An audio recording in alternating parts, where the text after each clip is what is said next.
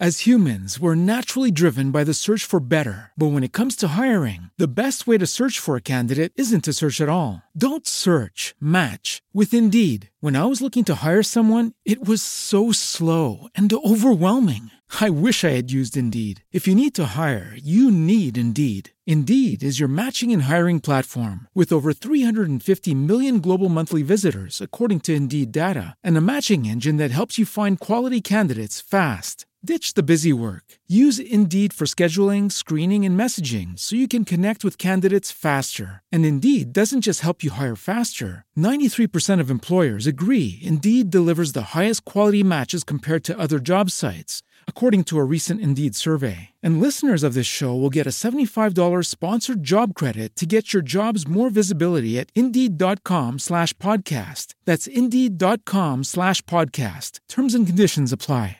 Judy was boring. Hello. Then Judy discovered ChumbaCasino.com. It's my little escape. Now Judy's the life of the party. Oh, baby, Mama's bringing home the bacon. Whoa, take it easy, Judy. The Chumba life is for everybody. So go to ChumbaCasino.com and play over 100 casino-style games. Join today and play for free for your chance to redeem some serious prizes. chumba ChumbaCasino.com. No purchase necessary. Void where prohibited by law. 18 plus terms and conditions apply. See website for details.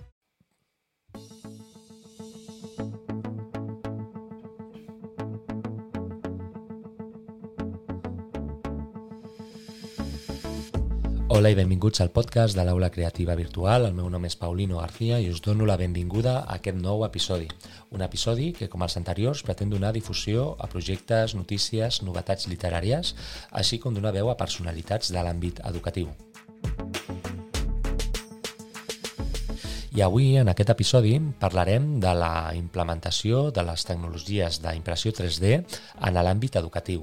Veurem quins són eh, els possibles beneficis o aplicacions d'aquesta tecnologia a l'aula, eh, que cada vegada està més present. Veurem eh, alguns exemples d'iniciatives eh, que s'han dut a terme a diferents països europeus i, per tant, mm, valorarem si realment aquesta tecnologia ha arribat per quedar-s'hi, si val la pena eh, fer una gran aposta per aquesta tecnologia per millorar, per exemple, eh, la comprensió dels continguts eh, més abstractes pel nostre alumnat i bé, doncs us animo a que ens seguiu escoltant, a que valoreu aquest episodi o els anteriors, a, a, aporteu les vostres iniciatives, projectes eh, relacionats amb l'àmbit eh, educatiu eh, perquè aquest serà el vostre espai. Recordeu que ho podeu fer a través dels nostres perfils de Facebook, Twitter, Instagram, a través de la nostra aplicació eh, a Spreaker i estarem encantats d'escoltar-vos i valorar els vostres suggeriments i comentaris.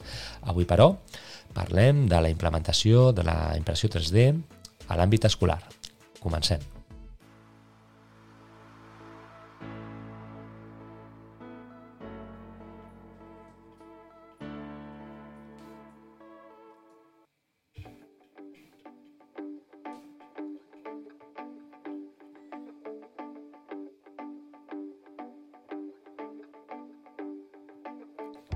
Doncs bé, com he comentat al principi d'aquest eh, episodi, avui m'agradaria comentar eh, doncs la, la realitat que cada vegada està més present a, la, a les aules, que és l'ús de la impressió 3D com a un element vertebrador de les diferents continguts que es treballen a, a les escoles. I és que mm, des d'un temps fins aquí doncs la tecnologia d'impressió 3D s'ha estès eh, no només a l'àmbit eh, professional i laboral, sinó que també en l'àmbit més eh, particular o inclú, inclús en l'àmbit educatiu, com, a, com volem comentar avui.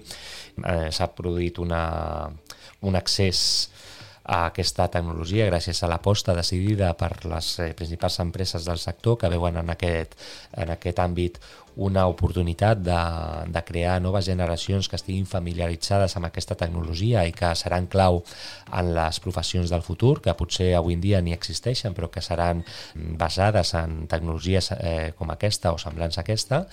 I bé, doncs a vegades eh, costa de, de valorar realment si, si aquesta implementació d'aquesta aquest, eh, tecnologia eh, és eh, adient, si realment s'està aconseguint o no. I bé, avui ens iniciarem una miqueta en aquest, en aquest àmbit.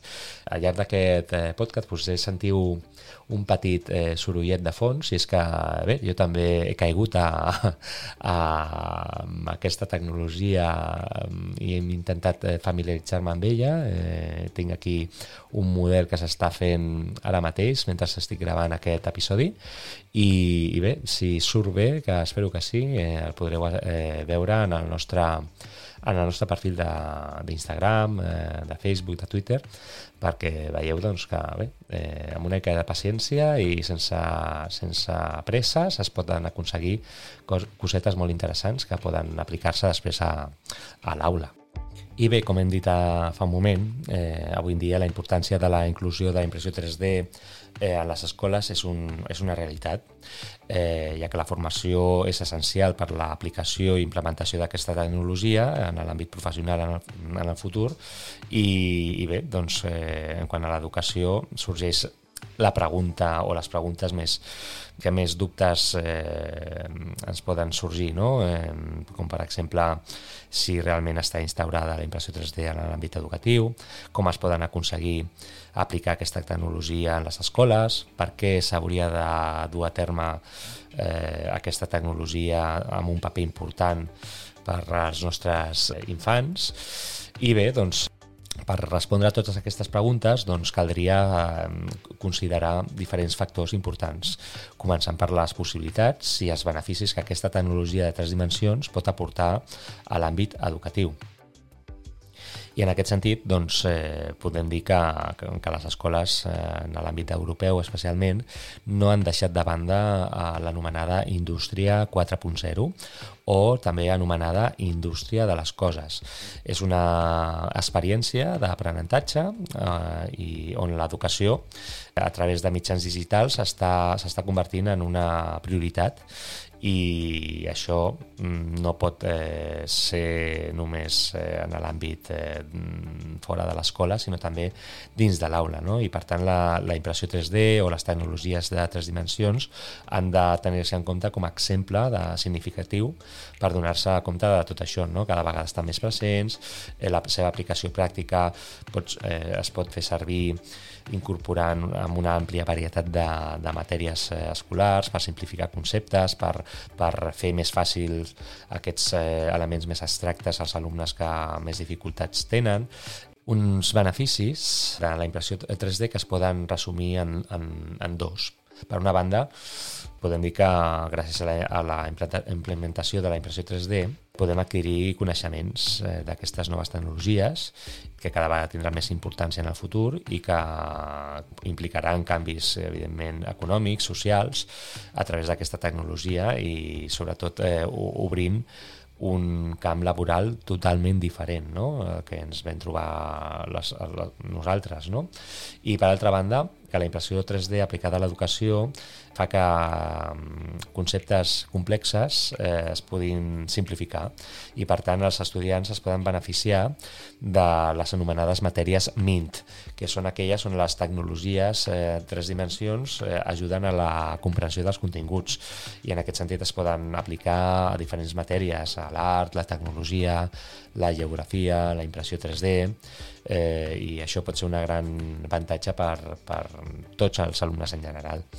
I bé, agafant diferents eh, reflexions sobre mm, aquest, aquest fenomen, podríem eh, citar a la responsable d'educació del IGO 3D, anomenada Elvira Reich, on fa la següent afirmació. Diu que la digitalització i la tecnologia estan canviant tot, i especialment a les escoles, no? I, i és per aquest motiu que l'educació ha d'involucrar-se per participar i preparar els estudiants del futur i que aquests canvis no, no impliquen només la incorporació d'un element tecnològic a l'aula, com podria ser un iPad, sinó que s'ha de canviar la manera en què els eh, alumnes aprenen, eh, com interactuen amb, amb, amb elements tangibles que puguin fer que el seu aprenentatge sigui més significatiu i especial. I en aquest sentit, doncs podem dir que que un dels grans neguits de, de la incorporació d'aquesta tecnologia a l'aula és com la, la, la fem reflectir en el, en el dia a dia a les escoles i, i com la reflectim sobretot en l'àmbit del currículum escolar, un currículum que està força tapaït però que si aconseguim integrar aquesta tecnologia doncs pot aconseguir una àmplia gamma de beneficis.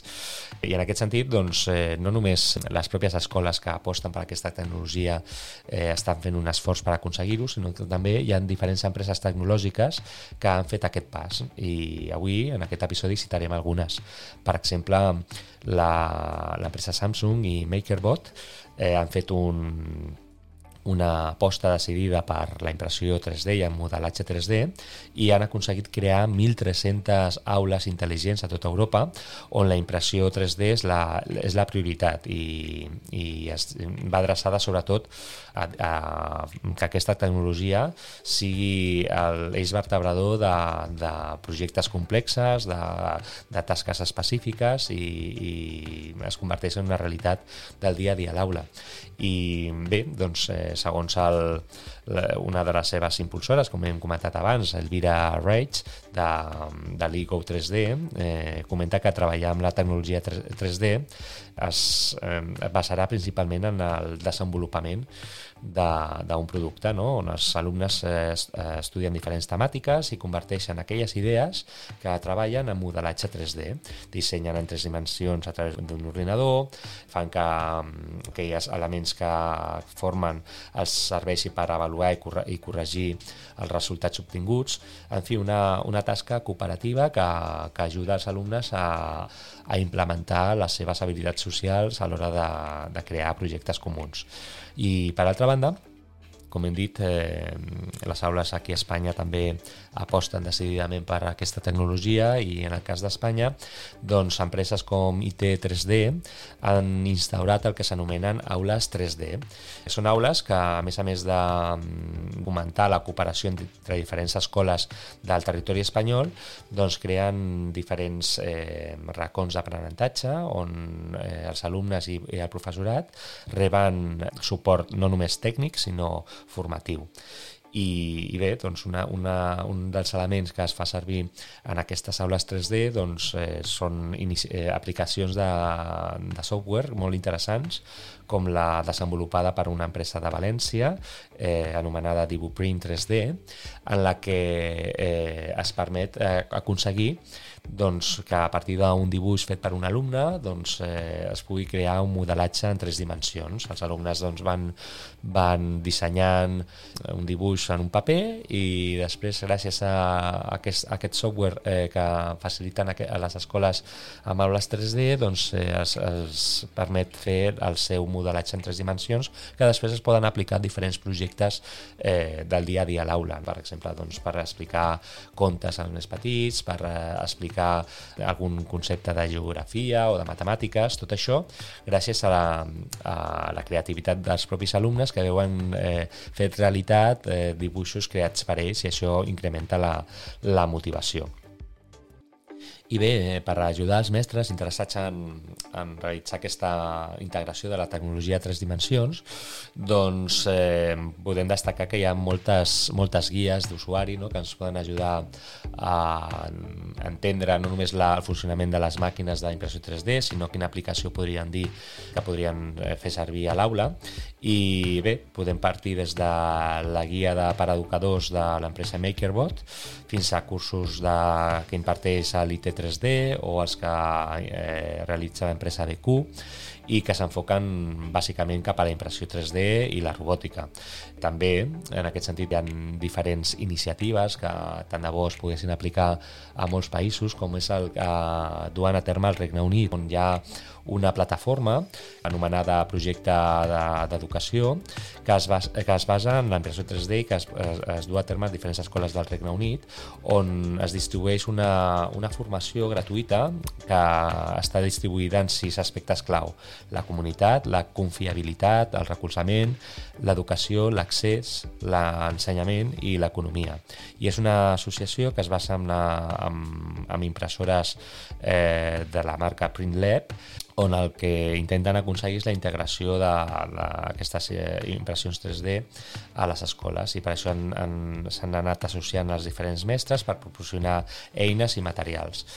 I bé, crec que és una, una iniciativa pro bona, ja que el, el finançament de, dels materials que es necessiten per, per dur a terme projectes més, eh, més ambiciosos amb la impressió 3D doncs, eh, no són fàcils d'aconseguir. Moltes escoles a Espanya es queden eh, al darrere no? la, quan realitzem una comparativa europea en termes de progrés en la digitalització i, i bé, doncs, eh, hi ha altres països doncs, que intenten apostar per, per això. No? Per exemple, ciutats com Tòquio ofereixen cursos d'impressió 3D als més petits de les escoles. El país és, és, és molt conscient de la importància de la, de la impressió 3D en, en moltes àrees de, de, la seva, de la seva societat. En fi, com heu vist, hi ha moltes possibilitats que poden eh, fer-se servir en, en l'àmbit educatiu i en la impressió 3D. Hi ha moltes coses a fer encara, com a nivell de formació, d'accés als materials, de que aquesta tecnologia sigui encara més accessible per més gent, però sí que m'agradaria eh, compartir, si és possible, amb alguna de les persones que ens puguin estar escoltant i que hagin aplicat eh, modelatge 3D o impressió 3D a l'aula, doncs que ens pogués eh, posar en contacte amb els nostres eh, perfils de, de Facebook, Twitter Instagram per eh, comentar i compartir amb tots nosaltres eh, quin ha estat el resultat, perquè segurament hi haurà experiències positives, altres que no hauran arribat a bon terme, però sí que és important compartir eh, la realitat, eh, que des d'un punt de vista eh, més subjectiu doncs, eh, podríem dir que, que encara queda molt per fer, però segur que hi ha moltes in iniciatives molt interessants que es poden dur a terme a l'aula aplicant la, la impressió 3D. Jo us deixo, eh, vaig a veure si, si el meu modelatge arriba a bon terme i si ho aconsegueixo us prometo que, que ho publicaré en el meu perfil de, de Facebook, Twitter o Instagram perquè el podeu veure i res, doncs us animo a que ens seguiu escoltant.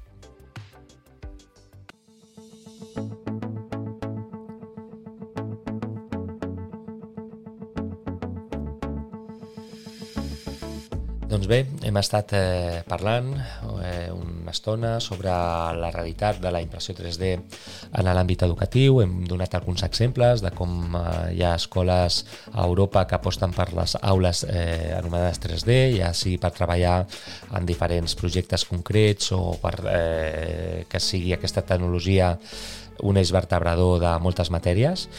Hem vist també com eh, les empreses tecnològiques aposten cada vegada més per aquesta tecnologia a l'aula, sobretot aquells països més digitalitzats. I bé, espero que hagi estat del vostre interès aquest episodi. Recordo que podeu participar a través dels vostres, els nostres perfils de Facebook, Twitter i Instagram per fer valoracions sobre aquest episodi o els anteriors. Heu estat eh, escoltant el podcast de l'Aula Creativa Virtual i el meu nom és Paulino García. Ens retrobem ben aviat.